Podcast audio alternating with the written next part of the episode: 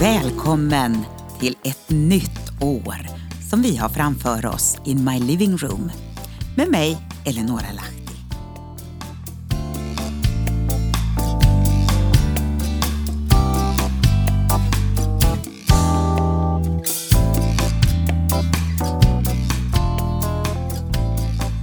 Ja, så här i början på året så reflekterar man ju lite granna bakåt.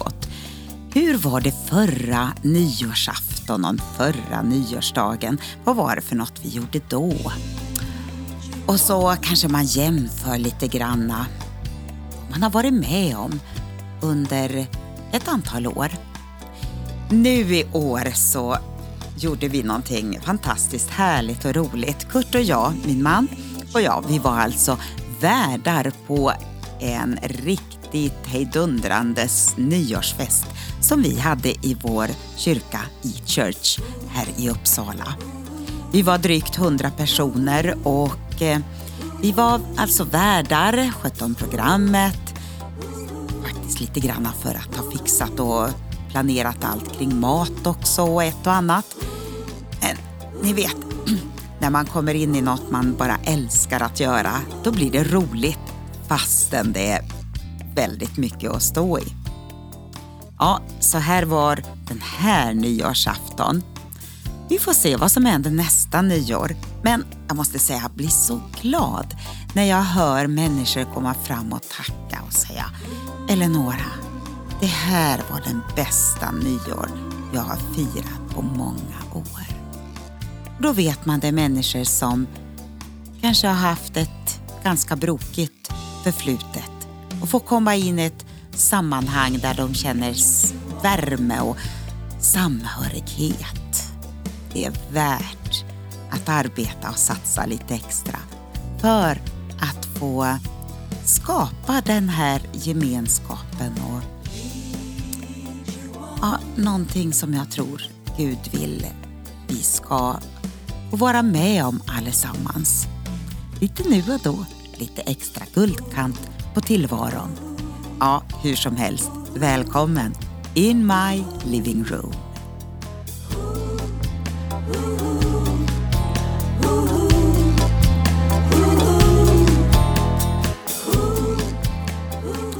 Ja, nu idag så ska vi ta en text som heter Nästa år vid denna tid. Jag läser ju mina texter ifrån min blogg som heter In My Living Room och du lyssnar ju också på ett radioprogram som har fått det namnet In My Living Room. Så här inför ett nytt år så kan vi ha en del personliga mål och drömmar. Och vi brukar ju kalla dem för nyårslöften. Ja, jag har nog inte gjort några sådana i år men jag antar att några utav er redan har gjort det här och kanske redan brutit en del nyårslöften. Mm. Så här ser de fem vanligaste nyårslöftena ut bland oss svenskar. Äta hälsosammare. Träna mera. Stressa mindre. Läsa flera böcker. Få ordning på ekonomin. Och Eh, man räknar med att en femtedel håller sitt löfte. Ja, några utav de här vore kanske inte helt fel att ta tag i. Allt det här handlar om att det ska bli bättre. Vi vill förändring. Men orkar vi? Är vi beredda att betala priset? För att få bättre hälsa och kondition, lära oss nya saker och ha koll på läget. Vi vet att det inte är så lätt. Krångliga människor, ja det finns med på vägen och oförutsedda händelser, ja de dyker upp och felaktiga prioriteringar, ja det gör att vi kommer på efterkälken och då är det kört. Tror vi. Och så väntar vi på nästa nyår. Vi inser inte att det är precis där vi växer och utvecklas. hur vi hanterar alla dessa röriga, hemska, galna, trista, frustrerade situationer är det som bestämmer resultatet. Blir det en klagomur eller en mur du får klättra upp på för att skåda större vyer? Jo då, människor runt om kring oss kan vara grymma, som jordbävningar, ödelägga liv, som sjukdomsbaciller kan göra. Eller så är det personer som är så påstridiga och envisa som ogräs som plågar oss. Jag har börjat läsa i Första Mosebok nu i början på året. Vilka krångliga, bökiga men också fantastiska människor vi får läsa om och vad de uträttade. Bra och dåligt. Det handlar om syndafallet, Noas ark, Babels torn, Sodom och Gomorra, Abraham och Sara. Bortförklaringar och lögner, högmod och självupphöjelse, våld och orenhet. Allt i en röra som bara leder till avfall och död.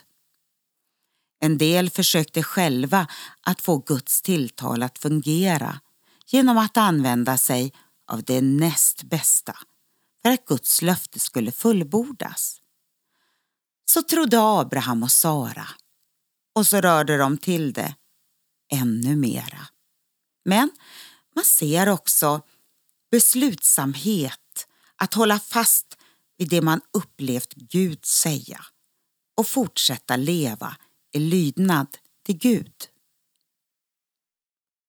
Abraham var 75 år när Gud talade till honom om det löfte de skulle ingå. När han var 99 år hade situationen bara blivit rörigare. Kaos i familjen och den fysiska förmågan att få barn den var borta. Det var omöjligt. Men Gud kom och talade.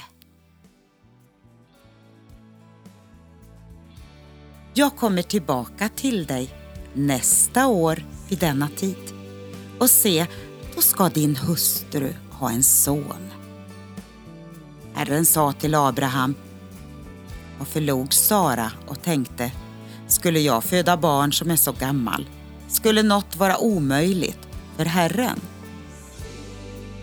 Vid den bestämda tiden nästa år ska jag komma tillbaka till dig och då ska Sara ha en son.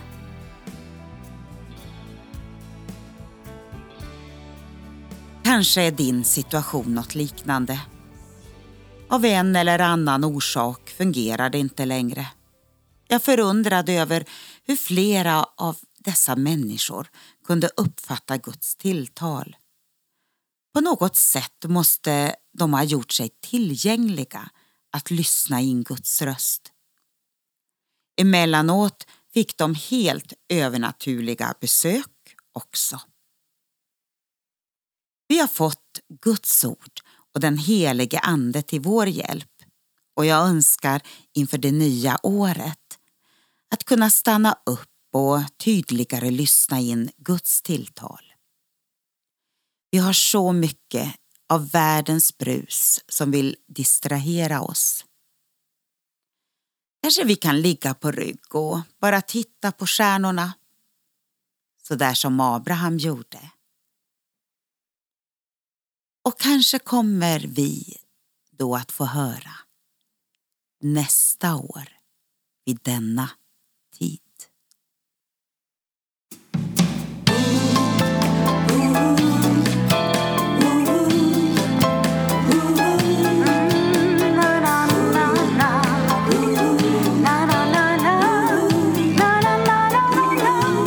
Vad är det för något nytt du ser? till verklighet i livet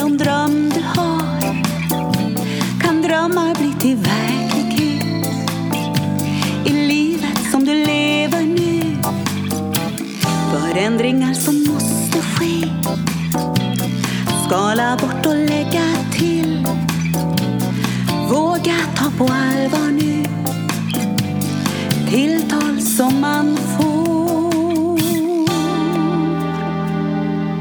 Komma vidare Få tilltal ifrån Gud Ditt hjärta ropar ut. Komma vidare Gå frimodigt fram. Ja, du längtar efter förändring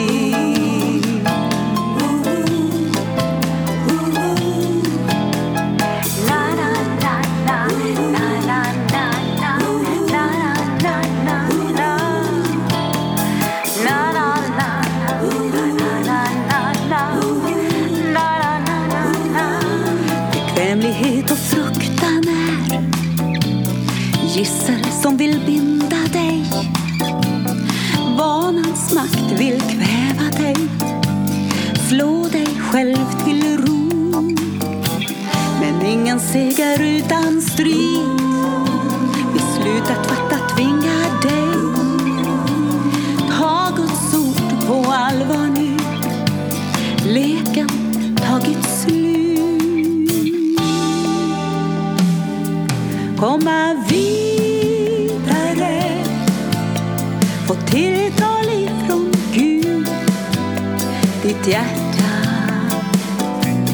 Ropar ut komma vidare. Gå frimodigt fram. Ja, du längtar efter förändring.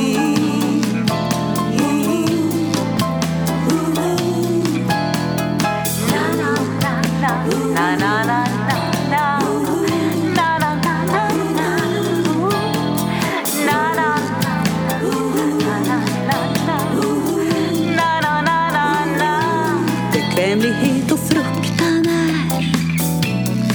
gissel som vill binda dig. Vanans makt vill kväva dig. Slå dig själv till ro. Men ingen seger utan strid. Beslutat fatta tvingar dig. Att ta Guds ord på allvar nu. Leken tagit slut. Komma tilltal ifrån Gud. Ditt hjärta ropar ut Komma vidare. Gå frimodigt fram. Ja, du längtar